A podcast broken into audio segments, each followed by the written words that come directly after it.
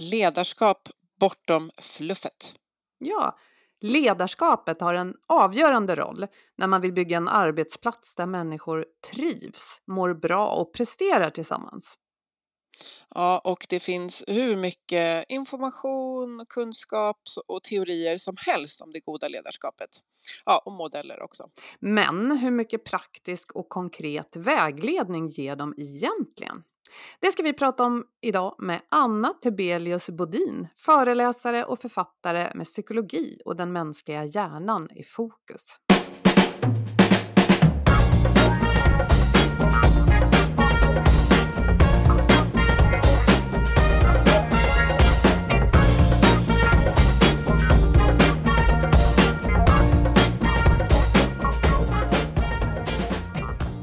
Gör vi i Health for Wealth där vi i över sju år har poddat om hälsa på jobbet. Eftersom människor som mår bra kan prestera bra. Och för att må bra behöver vi goda samarbeten, rätt resurser, handlingsutrymme och trygga ledare som har tid att leda. Och i den här podden då tar vi ett helhetsgrepp på det här med hälsan på jobbet. Och vi är Ann-Sofie Forsmark. Jag är hälsostrateg, ledarskapskonsult och driver organisationen Oxigroup och Boel Stier som jobbar med kommunikation och marknadsföring.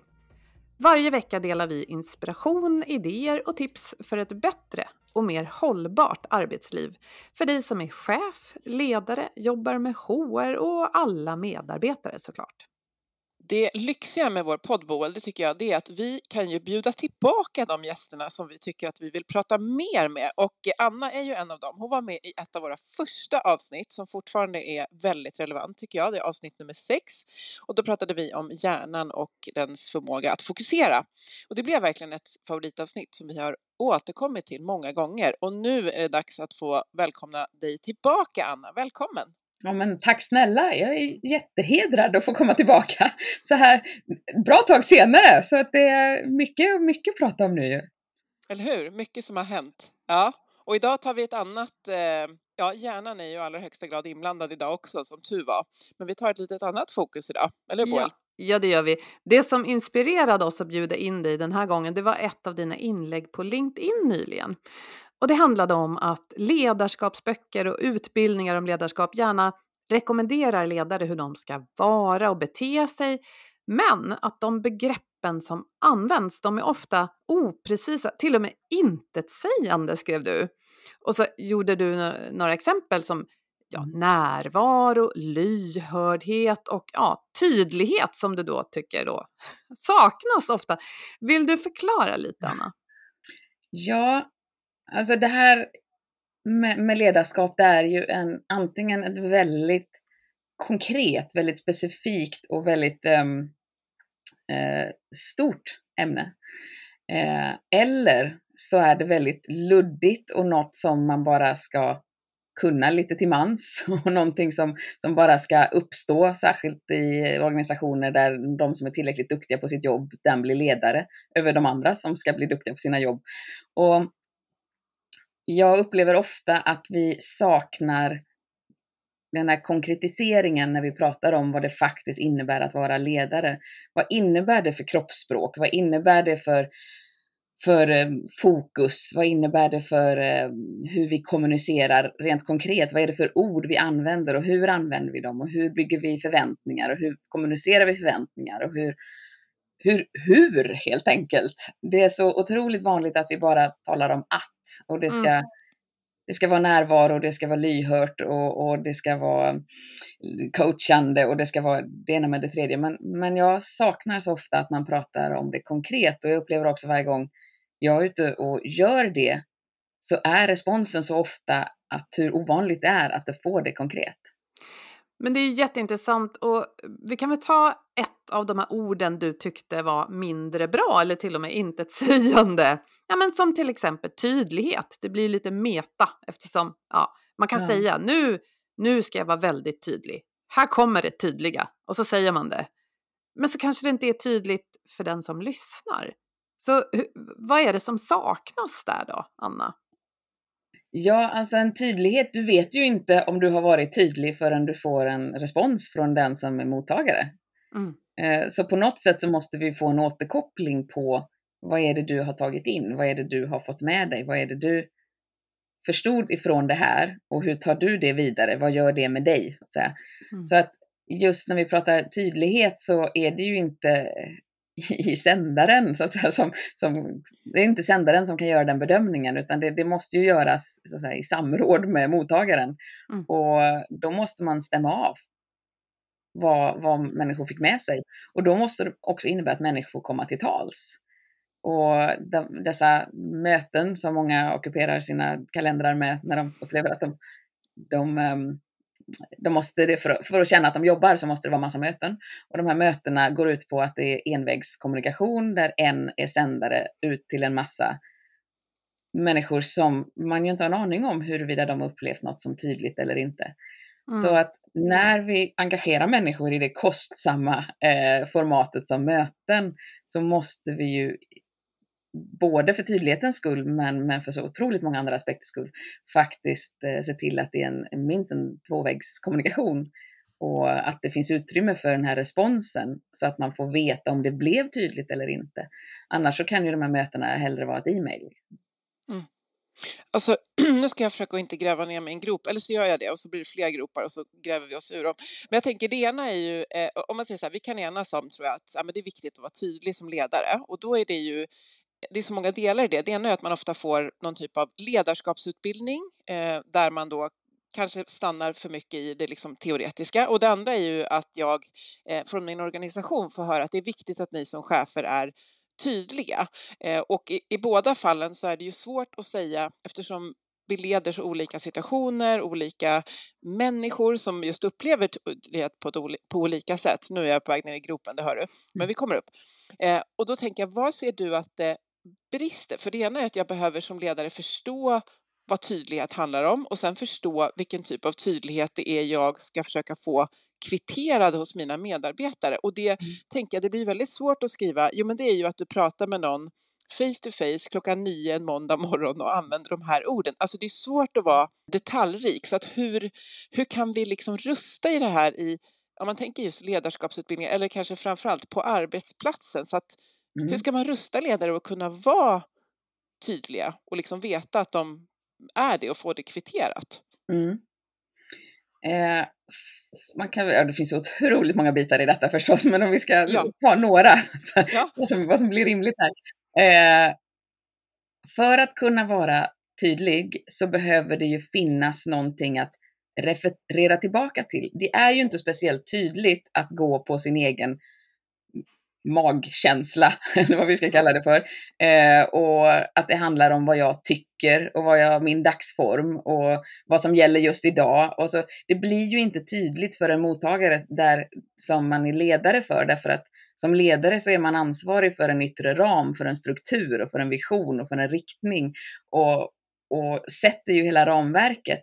Och om det där ramverket är lite beroende på vad, vad chefen har för dag eller vad, vad, vad den råkar tycka i en viss fråga, då blir det ju inte tydligt hur tydligt man än talar så att säga. Alltså det, har inte, det har inte alls med de sakerna att göra utan tydligheten bygger på att det finns ett ramverk som man kan lita på som är konsekvent.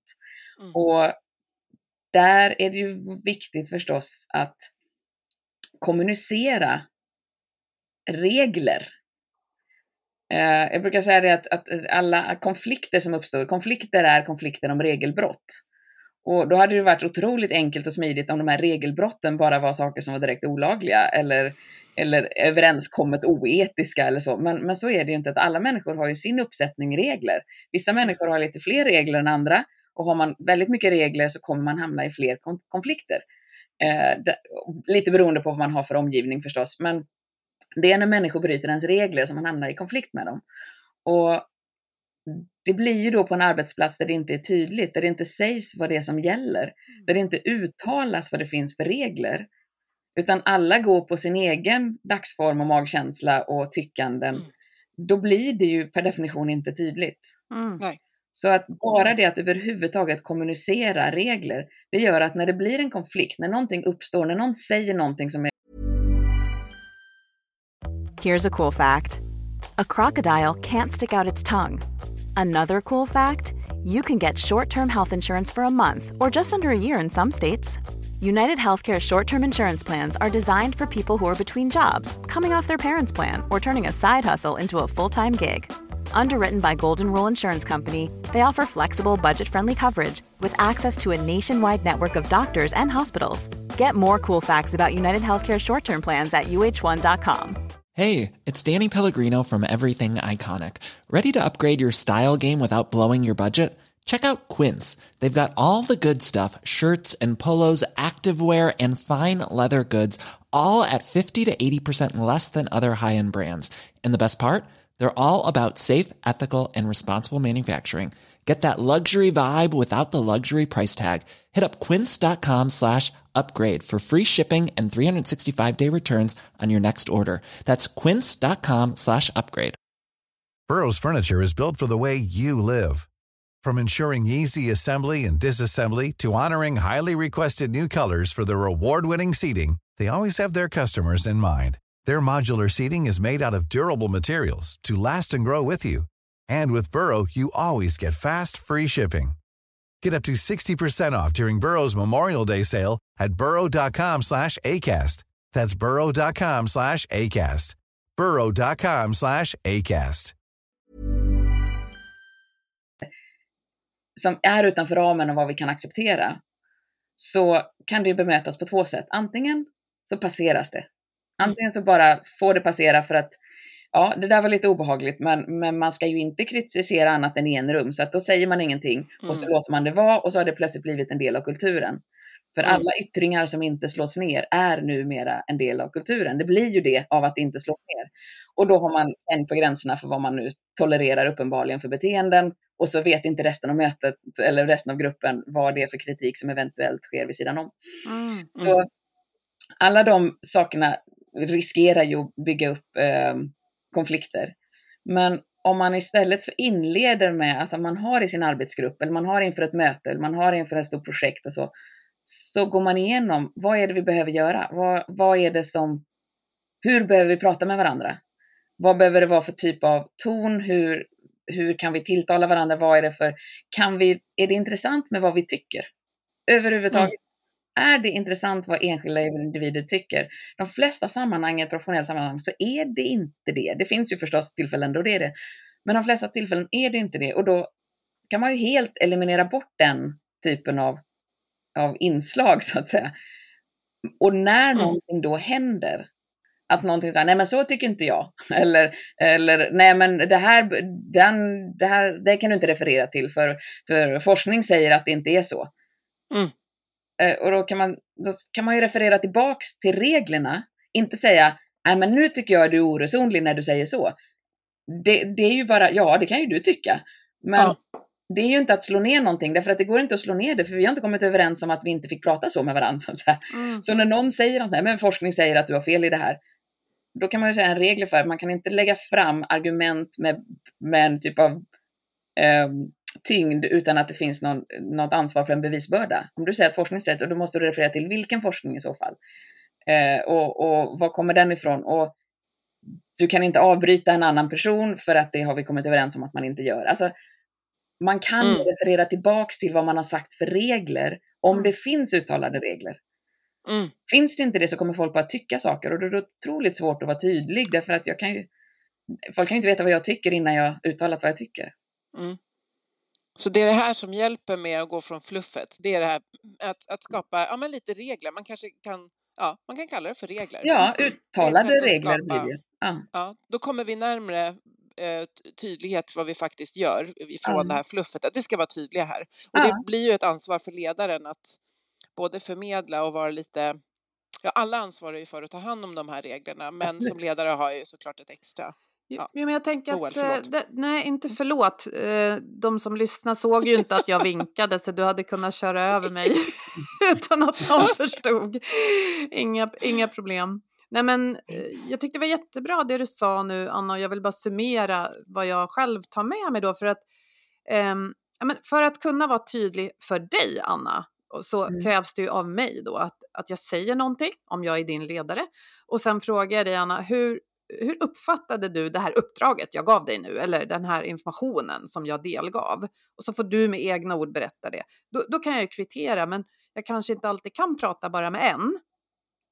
Utan Nej. det kanske är ett möte med många. Och då kanske det kommer upp någon sån här fråga som till exempel, jaha, ska vi ha de här mötena nu på måndagar klockan åtta? Det är ju lite jobbigt för oss som bor i USA, för då är det mitt i natten. Alltså man, man för upp ett problem och man kan bli tagen på sängen av eh, ledaren. Men då tänker jag Mm. att det här med regler kan ju vara något att hålla sig i även när man blir lite naken så att säga. Att Mm. då kan man säga att det har du ju rätt i, eh, Anna. Det där hade ju vi faktiskt inte tänkt på. Vad bra att du uppmärksammade det. Då måste vi nog se över reglerna för de här mötena så att det blir bra för alla. Och så får jag Mm. återkomma. Mm. Är det ett bra exempel på det du beskrev nu? Ja, men det kan man ju absolut säga, för, för regler det är ju så otroligt stort och det låter ju så fyrkantigt när vi pratar regler. Det är egentligen någonting väldigt humanistiskt. Ja, men hur vi gör saker. ja, Ja. och, och det är ju det som är kulturen. Man, säger, när man pratar om kultur så är det också ett, ett begrepp som väldigt lätt blir väldigt luddigt. Men kultur är ju hur sådana som vi gör, eh, gör saker. Mm.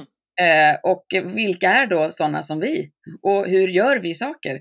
Det, det läggs ju exempel på det, samlas ju bevis för det i alla interaktioner vi har, i alla Mm. arbetsuppgifter vi gör, i allting.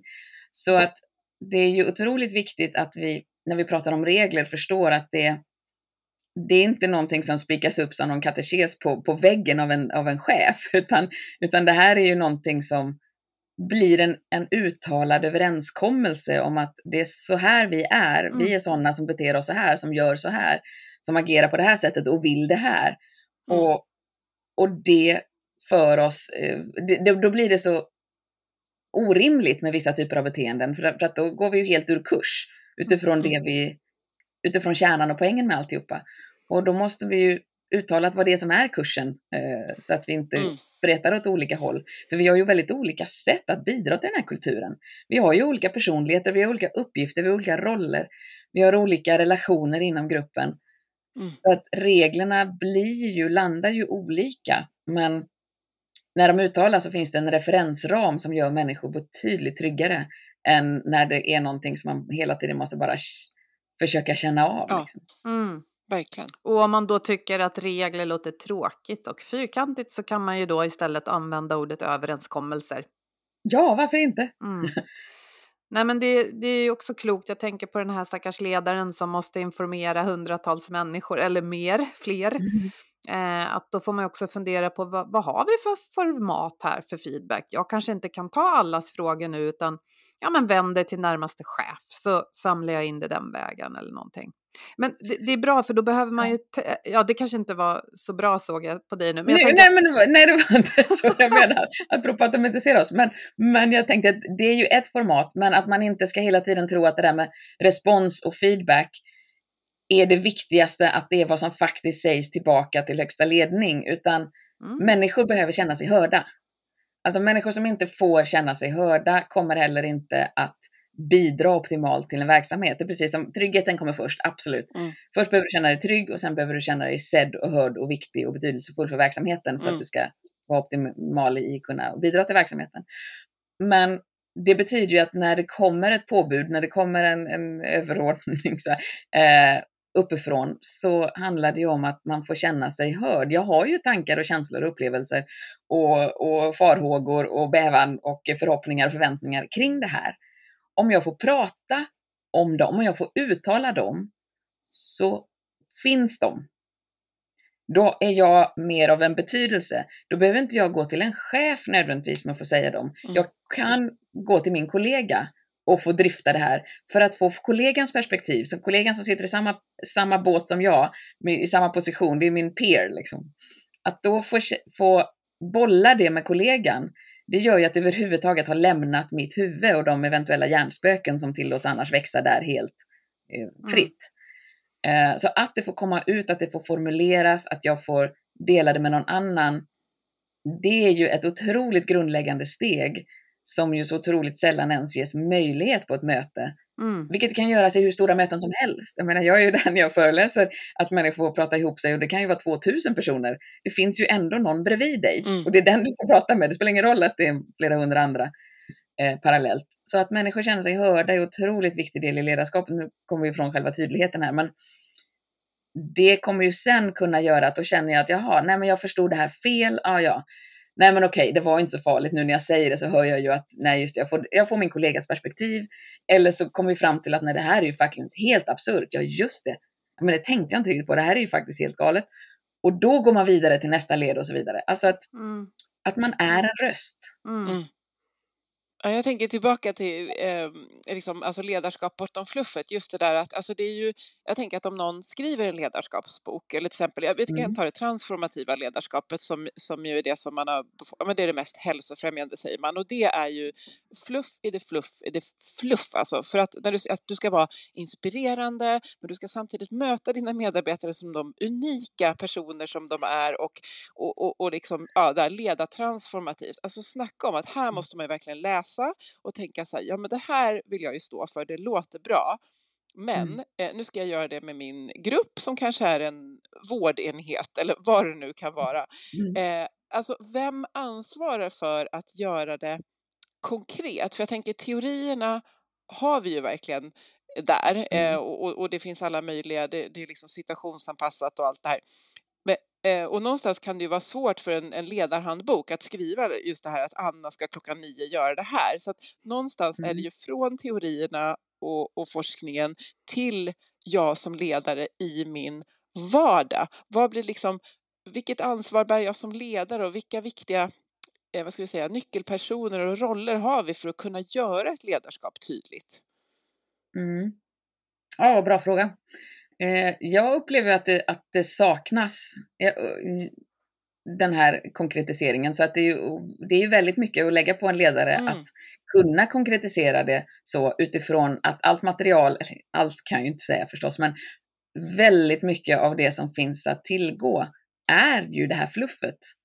För att det är så otroligt många människor som kan skriva under på att ett ledarskap ska vara coachande och det ska vara transformativt och det ska vara situationsbaserat och det ska vara eh, inkännande och lyhört och man ska inge förtroende, man ska vara närvarande, man ska ha karisma och man ska, ja, Mm. det är ju otroligt lätt, check, check, check, check på dem. Mm. Och, och eftersom det är så enkelt att skriva under på dem, men så mycket mer eh, krävande för reflektionen att faktiskt eh, konkretisera dem, så är det ju inte konkretiserat. Jag skulle säga att det är ju inte riktigt så här nödvändigt med att vara så specifik så att det går över huvudet på mig, alltså så att det inte blir relevant. Alltså jag pratar ju om em, frågor du ska ställa, du måste kunna besvara som i stort sett passar i alla sammanhang när du är i en förändring till exempel. Mm. Eller eh, ord du ska undvika i, i en argumentation Mm. eller när du får ett påhopp på ett möte. Mm. Alltså, det finns ju så återupprepande ganska klara mönster som är så vanliga och så, så frekventa Mm. att det, kan vi lösa dem, då kan vi lösa de största misstagen. Mm. Och egentligen, då, jag skrev också en artikel om på LinkedIn om, Ja. om att egentligen handlar ledarskapet om att det är ju att inte göra de största misstagen som kommer hjälpa dig längst. Liksom. Ja. Så kan du undvika de största misstagen så kommer du bli förlåten över ganska många saker som du inte sätter rätt eh, varenda vardag i, i din verksamhet. Liksom. För du är mä- människa, du kommer göra fel. Ja. Men det låter ju väldigt hoppfullt för jag kan bli lite mörkrädd när jag hör sånt där som att som ledare ska du vara karismatisk, inspirerande. Ja, men då kan vi ju inte fylla alla mm, ledarroller i så fall för att alla, eh, ja, för mig så känns det lite som ett stickspår. Och nu går jag tillbaka till den här eh, texten som vi läste Mm. av dig på LinkedIn. Där skrev du att istället för att eh, fluffa runt då, fast det är mina ord och inte dina, så, så skrev du att du pratar om och så listade du några saker. En av dem eh, är medvetna ordval. Mm. Vad tänker du på där? Eh, ja, när man har en, en grupp medarbetare som ju litar till en till att sätta strukturen och sätta ramarna och ha, vara den som har en övergripande koll på en, en situation, ett projekt eller en riktning eller vad det nu är, är som man har som stomme. Så brukar jag prata om att välja ett så här är det språk. För det är väldigt lätt att vi får vår egen ängslighet som sipprar ut och eh, den här oro, oroliga ängslan den tar sig uttryck i vilka ord vi använder. Och då låter det som att ja, men jag har tänkt lite att vi kan göra så här, eller hur, hur tror ni? Eller om vi, ja, jag, är inte, jag är inte så säker på att det är så, för jag har jobbat lite med det här. Alltså det är sådana ord som, jag vet inte om jag har rätt här, men, men snälla, ni kan väl lyssna lite på mig i alla fall, för jag kan ha lite rätt. Och, Mm. alltså det, Lite så säger man ju, liksom, men- men- kanske, sådana ord. Alla de där förminskande orden. Mm. Som lite och kanske eventuellt och, och jag vet inte men, men försöka och, Ja. och allt det här gör ju att det, det blir svårt för mottagaren att känna att här är någon Mm. som är en sån trygghet så att jag kan lita till de här budskapen och, och följa. Mm. För som, som medarbetare så behöver man en ledare som är tryggast i rummet. Mm. Det är ju den här tryggheten som gör att en, en människa upplevs som ledare. Sen kan du förstås vara chef utan att du är ledare, det vill säga du behöver inte vara tryggast i rummet bara för att du är chef. Eh, Men, men då, för då har du fått ditt chefskap på, på andra grunder än att, att du är tryggast i rummet. Men den, den som blir formellt eller informellt ledaren, det är ju den som faktiskt är tryggast i rummet. Mm. Och en person som är så trygg att den kan utstråla en sån trygghet till andra så att alla kan uppleva sig själva som tryggast i rummet. Mm. Det är ju ingen tävling liksom. Det poängen är ju att alla ska bli trygga. Eh, en sån person har ett språk som handlar om att så här, så här är det. Det är det här som gäller. Och blir det en konflikt, blir det ett påhopp, blir det en eh, obehaglig stämning så, så säger man inte nej, så tycker inte jag du kan säga. Mm. Att, nu är vi tillbaka till det där med tycker Mm. och så. Det är motsatsen till tyckerspråket. Det vill säga, så kan vi inte hålla kommunikationen i det här mötet. Vi kan inte ha den typen av argument eller den typen av påhopp för att då fungerar inte det här målet som vi är på väg mot. Det fungerar inte med, med vår verksamhet om vi har den här typen av beteenden, den här typen av så. Det blir ett väldigt så här är det språk Mm. som känns otroligt tryggt för medarbetare att, eh, att ha en ledare som, som eh, uttrycker sig på det sättet. Mm. Och jag, jag Det är inte överkörande på något sätt utan det är tydlighet, förlåt. ja, nej, nej, och jag bara tänkte i de tiderna vi är i, nu så kanske vi, det vore så intressant att höra dina tankar, att det handlar inte om att jag är trygg, så här kommer det bli exakt 2024. Det är, inte, eh, det är väldigt sällan den tryggheten, men trygghet kring, vad kan jag skapa trygghet kring? Jag som ledare kan ju ha, det här är vårt syfte och det här är våra Mm. resurser och det här är hur det är just nu, att liksom rusta sig Mm. med den tryggheten. Och sen Mm. vill vi ju ha medarbetare som kan, och så ska vi ju hit och vi kan staka ut vägen tillsammans. Liksom, så att man, man, vi ligger inte till last på börda här, att du vet att du måste också veta allting, det är inte det vi säger, utan det är verkligen eh, vilken trygghet kan du skapa i rummet så att du får loss dina medarbetares liksom, förmåga Mm. att, att sen, och, och nu ska vi hitåt, och hur tar vi oss dit? Liksom, att, att Mm. det är så, i de tiderna vi är är ju tryggheten liksom inte att ha, ja, hela lösningen, eller vad, vad tänker du där? Nej, absolut. Och snarare, jag ska inte säga tvärtom, men, men, men eh, det blir det ju. Alltså att en, en ledare som är i en sån orolig, om vi nu får kalla vår tillvaro nu för, för ganska skakig och orolig, för den globala världen är ju inte trygg. Liksom. När vi tänker på den världen utanför och vart vi är på väg, Mm, så är det många som upplever en otroligt stor otrygghet i det. Ja, Och om en ledare skulle stå och tala om den otroligt ovissa framtiden Mm. som att det här är helt rätt för oss. Vi kommer göra de här och de här resultaten och det Mm. kommer gå så här och så här. Och, och jag är helt övertygad om det här och det här. Då alienerar sig ju ledaren ifrån sin, sina mottagare därför att då Mm. undrar man, som jag känner i hela min fysiska kropp, de signaler som går till min hjärna och hur jag får, får den här upplevelsen av den här stressen och förändringen och det vi står inför och vad som ska hända. Mm. Den representeras inte alls i vad jag får från dig, utan du målar upp bilden som idealisk och fantastisk och det Ja. bara kommer bli optimalt. Och då känner jag att vad vet du som jag inte vet? Och, Mm. Eller vad försöker du lura på mig för att jag inte ska tänka på? Alltså det, ja, det blir en förtroendekris i det samtalet som gör att en ledare har bara, förlorar bara på att försöka måla upp någon bild som medarbetarna inte har anledning att tro på. Nej. Och jag tänker att många står inför neddragningar och eh, Mm. där, där kan det vara, det här, kom, det här kommer ju bli jättetufft, eh, men vi kan, vi kan känna en trygghet här i att jag kommer att vara, vara tydlig, jag kommer att vara ärlig, jag kommer göra mitt bästa. Så där kan vi ju hitta liksom där till. Men det är så härligt att höra dig att det vore ju helt galet om någon står där framme och säger så här, hörni, allting kommer bli, det kommer bli toppen och bara, det blir sån diskrepans och då blir det inte Mm. alls någon tillit och väldigt otydligt dessutom. Ja. Jag skulle i och för sig inte eh, rekommendera att tala om hur jag själv som ledare kommer att bete mig eller förhålla mig. Jag kommer Mm, snarare rekommendera att man gör det. Mm. Alltså någon som måste säga att du kan lita på mig Ja, kan man inte lita på. nej, det där är så intressant. Ja, Så om jag måste Ja. säga det så har jag direkt tappat ditt förtroende. Ja. Därför att, och varför måste du säga det? ja. Eh, och samma sak att jag kommer inte dölja någonting, jag kommer vara tydlig. Ah. Ja det Var det direkt. istället. Ja, Ja, Gud, så säg inte det. ja, Säg inte det. Ehm, och då menar jag att vad, vad vill de med denna tydligheten? Då? Ja, men de vill veta, vad är det du vet som jag behöver veta? ja, Så tänker en medarbetare. Vad är det du vet som Ja. jag behöver veta? Och vad är det i så fall du döljer för mig? Eh, när jag förstår det så kan jag mer, jag kan förhålla mig till dig mycket tryggare. ja, Om du kan svara på, vad vet vi?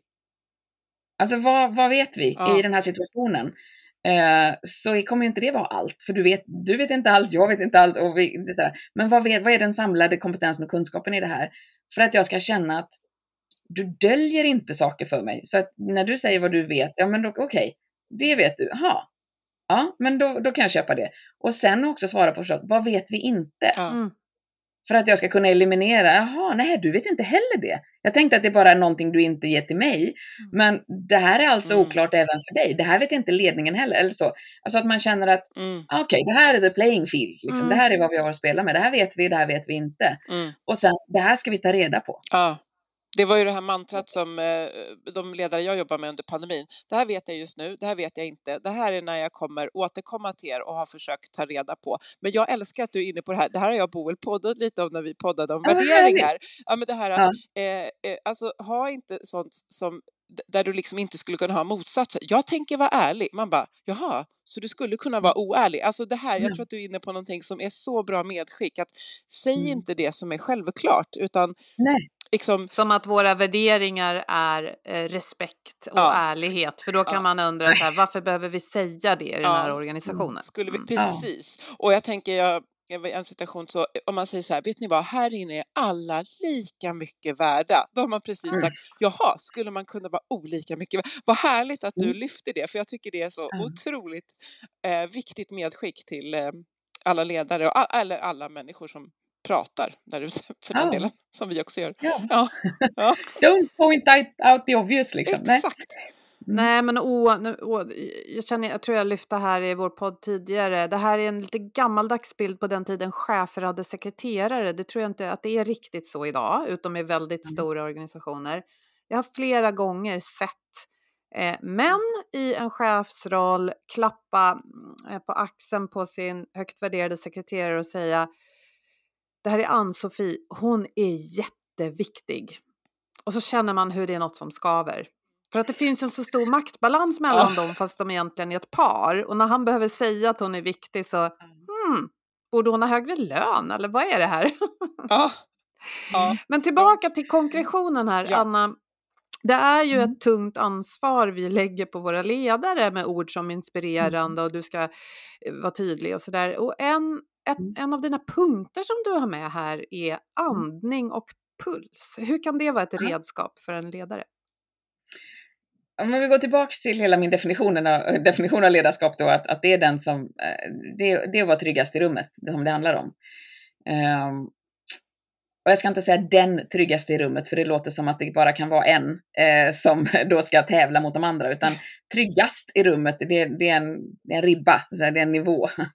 Och, och den når du ju i och med att du känner en inre trygghet. Du kan inte som ledare vara beroende av yttre trygghet. Vi kan absolut prata om det relationella ledarskapet och man är beroende av sin kontext och det ena och det tredje. Absolut. Men din trygghet kan inte stå och falla med det relationella i stunden. Eller kontexten eller samhällsutveckling eller vad det nu skulle kunna vara. Därför att det är ju när det skakar, det är ju när folk blir osäkra, det är ju när det är konflikt, det är ju när det är jobbigt. Det är ju då din trygghet stresstestas. Och om den står och faller med yttre trygghet, då, då, har du ju inte en inre trygghet, då är det bara yttre. Så den här inre tryggheten, det är ju den som du bygger upp i dig själv, med att du trivs hemma i ditt eget huvud. Du umgås med dina egna tankar, du är inte i konstant konsumtion hela, hela din tillvaro. Från att du vaknar på morgonen tills att du lägger dig på kvällen och sen inte kan sova och har sömnsvårigheter och vaknar upp stressad och sen fortsätter att döva tankarna hela dagen med konsumtion. Då kommer du ha ett nervsystem som inte är tryggt. Och när du kommer i den, i, i den statusen så till jobbet och så ska du gå in och vara tryggast i rummet för andra, så kommer det skina igenom. Och det kommer skina igenom med din otrygghet därför att din puls avslöjar dig.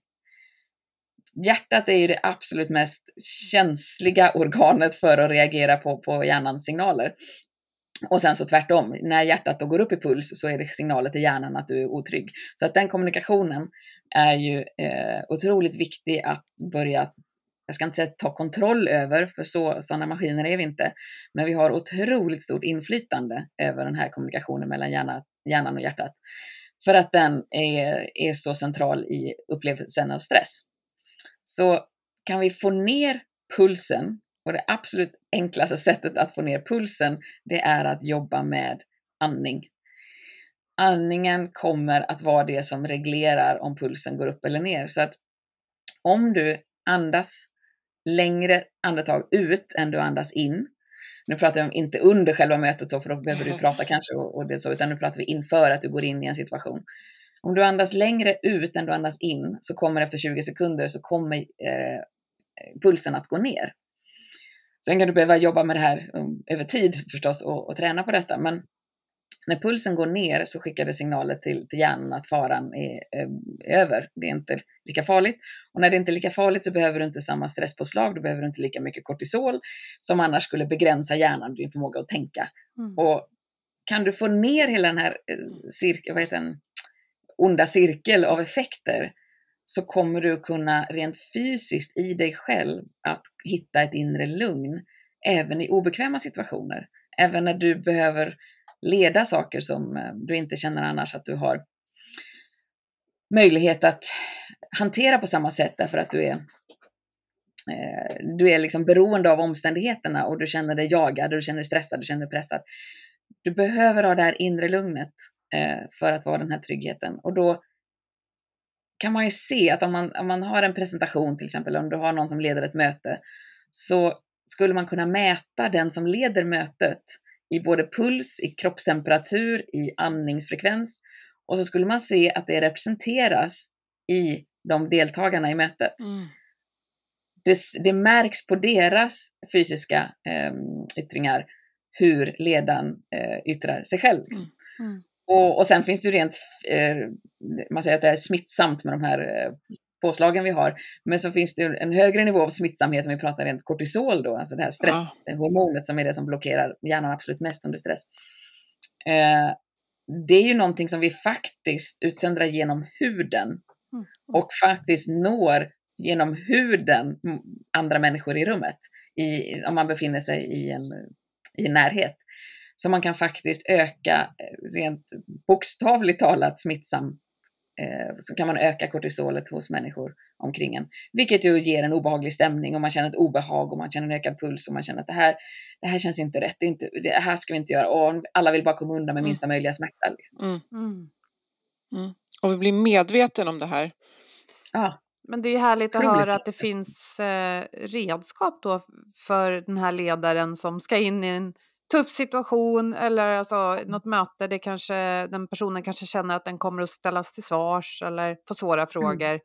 Mm. Så istället för att in i sista sekund råplugga en massa detaljer och mm. fakta och vad det nu kan vara som stressar den här personen så kan det vara att bara sätta sig och göra några djupa andetag som hjälper en och, och hitta den här tryggheten. Absolut, alltså det är ju en av, eh, för nu skulle ju en, en, eh, en kritiker av det här skulle ju direkt säga, jaha, så det är bara att sitta och andas menar du? Ungefär som, nej, det är inte bara att sitta och andas såklart. Men, men jag tror också, där du är inne på Boel, det, det ger en otroligt annorlunda effekt på mötet om du gjorde det istället för att plugga in de här sista Mm. detaljerna. Mm. Och sen finns ju förstås en, en hel rad med andra verktyg som, som du kan jobba med för att komma i den här stämningen i, Ja. in, internt, liksom, Ja. där du har en lägre puls. Ja. Mm. Men tänk just i hur, just som ledare, att jag, eh, jag, jag smittar Why don't more infant formula companies use organic, grass fed whole milk instead of skim? Why don't more infant formula companies use the latest breast milk science? Why don't more infant formula companies run their own clinical trials? Why don't more infant formula companies use more of the proteins found in breast milk?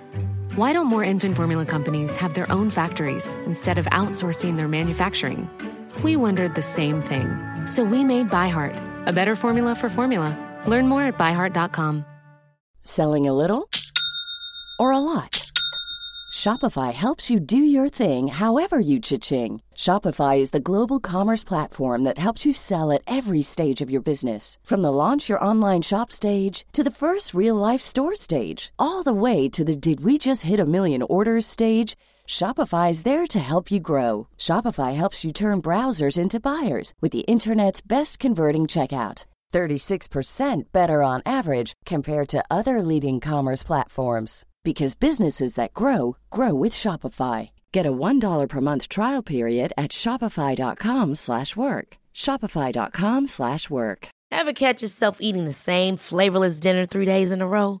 Dreaming of something better? Well, HelloFresh is your guilt-free dream come true, baby. It's me, Kiki Palmer. Let's wake up those taste buds with hot, juicy pecan-crusted chicken or garlic butter shrimp scampi. Mm. Hello Fresh. Stop dreaming of all the delicious possibilities and dig in at HelloFresh.com. Let's get this dinner party started.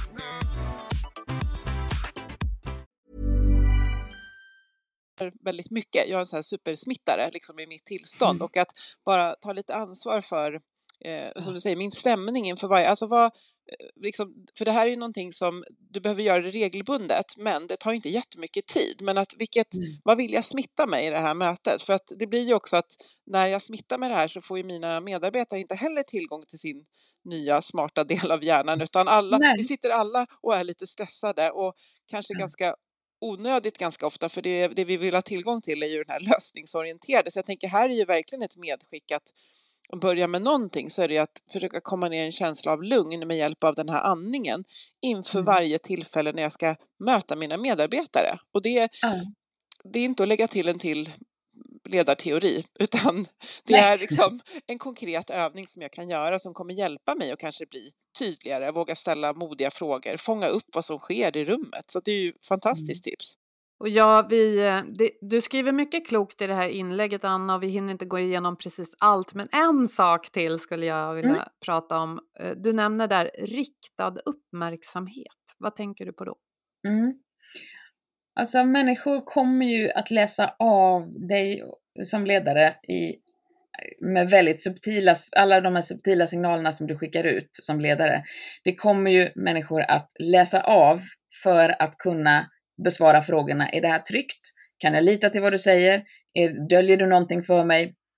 Eh, vad innebär det här för mig? Och har du mitt in, bästa eh, för ditt, in, som, bryr du dig om mitt bästa så att säga? Vill du mig väl? Eh, eller är det här en annan agenda? Alltså, vi har ju massa sådana här saker som vi hela tiden måste läsa av. Och en ledare som har fokus på eh, sig själv, vi börjar där. En ledare som har fokus på sig själv och sin egen eh, prestation och sin egen kompetens kommer vara väldigt uppslukad i att ingen ska få slå mig på fingrarna, minsann. Här har jag taggat i tänderna så att jag ska ha koll på allting sådär. Och då blir man ju otroligt känslig för att någon ställer en fråga eller någon undrar över något som man direkt går i försvar, för fokus är på en själv. Mm. Jag brukar säga det som ledare så måste du ha idén om att det handlar inte om dig. Det handlar aldrig om dig. Mm. Om du kan gå in i ett möte, om du kan gå in i en stressreaktion, äh, stresssituation, förlåt, eh, om du kan gå in i en konflikt, om du kan gå in i någon utmaning med att förstå att det aldrig handlar om dig.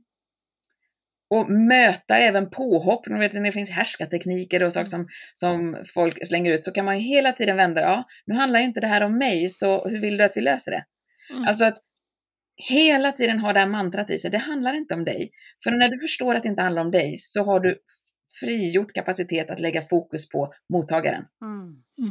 Det. Poängen med att du ska vara tryggast i rummet, det är ju att du ska göra andra trygga. Mm. Alltså för annars kan du inte utöva ditt ledarskap. Och sen när du har gjort det så behöver du bekräfta dem så att de får känna sig hörda och sedda och bekräftade och så vidare. Men att du ska göra andra trygga, det bygger på att du har släppt fokuset på dig själv. Mm. Och då handlar det om att du inte ska uttrycka den här ängslan. Du ska inte behöva skämta bort dina tillkortakommanden Nej. för det är lite obehagligt att du gjorde fel. Du ska inte behöva försvara dig. Du ska ta saker för vad de är. Det är en fråga, det är ett konstaterande, det är ett påhopp. Markera det som ett påhopp. Det är en fråga, kan, du har inte svaret, jag får återkomma på den. Eller om det skulle vara så att jag har fel på den här punkten, ändra det i så fall förutsättningen för det vi diskuterar nu. Alltså så att man hela tiden lyfter utanför sig själv. Ha inte fokus på dig själv. Mm. Det ska du ha inför mötena när du går in i att du kan lyssna på dina egna tankar, ha den här eh, stunden med självreflektion och gå ner i puls. Men i mötet så släpper du dig själv. Och när jag säger möte så behöver inte det här vara en konferensrum. Det kan vara vilken interaktion i korridoren som helst. Mm. Eller digitalt eller så. Eh, när du är med andra människor så släpper du fokuset på dig själv. Det är så du kommer uppfattas trygg för andra när du har fokus på deras trygghet. Mm. Ja men fantastiskt. Superbra. Ja. Men det är så lätt att tänka det här att när man hela tiden funderar på hur andra ska uppfatta en Ja. och känner sig Ja. osäker och ja, man kanske måste springa in på badrummet och kolla, ligger håret rätt? Eller, alltså, det kan vara sånt eller det kan vara ord, använder jag rätt ord? Och som du Ja. säger Anna, jag tycker det här liknar lite när jag ibland, ibland hjälper jag människor att presentera och träna Mm. på det. Och då Mm. brukar jag säga det att det blir så mycket bättre om du släpper taget om dig själv. För Mm. att då är ju fokus på det som är viktigt för de som är där. Och det är ju Mm. inte Ja. jag som presenterar utan det är vad man pratar om. Mm. Så eh, nu har ju du här på lite, ja ungefär en halvtimme redan gett mig i alla fall några jättefina verktyg för att bli tryggare i en situation Mm. tycker jag. Att tänka på andning och puls och se det som ett redskap Mm. för att faktiskt bli lugnare och kunna sprida trygghet. Att tänka att det är inte jag, utan det är Nej. de här och situationen. Mm. Att bli, och då blir man också lite mindre rädd. Mm. Och så eh, mi- mindre säga massa adjektiv och mer vara. Jag ska vara närvarande, var närvarande. Liksom. Och, och, och sen så här, verkligen det här som är walking, walking the talk. Jag ser lite det här med att, att det inte handlar om mig också, att man, man håller liksom det som pågår framför sig lite grann. Det är inte inne i mig, där är min andning, min djupa andning. Och så det vi pratar om Mm. håller jag framför mig, det är inte mitt eh, inte mig det handlar om. Så att, ja, fantastiskt. Vi, vi lägger såklart med länken till det här inlägget på, på LinkedIn där, eh, där ni lyssnar på den här podden. Det gör alla på lite olika ställen, vilket är Mm. fantastiskt. Ja, eller hur? Mm. Och så kan vi passa på att rekommendera, är du på LinkedIn så följ gärna Anna Ja. Tibelius Bodin. Eh, Du skriver jättemycket fina, kloka saker. Och Mm. när jag läser dem, Anna, så blir jag lite lugn. Så bara en sån Ja. sak. Ja.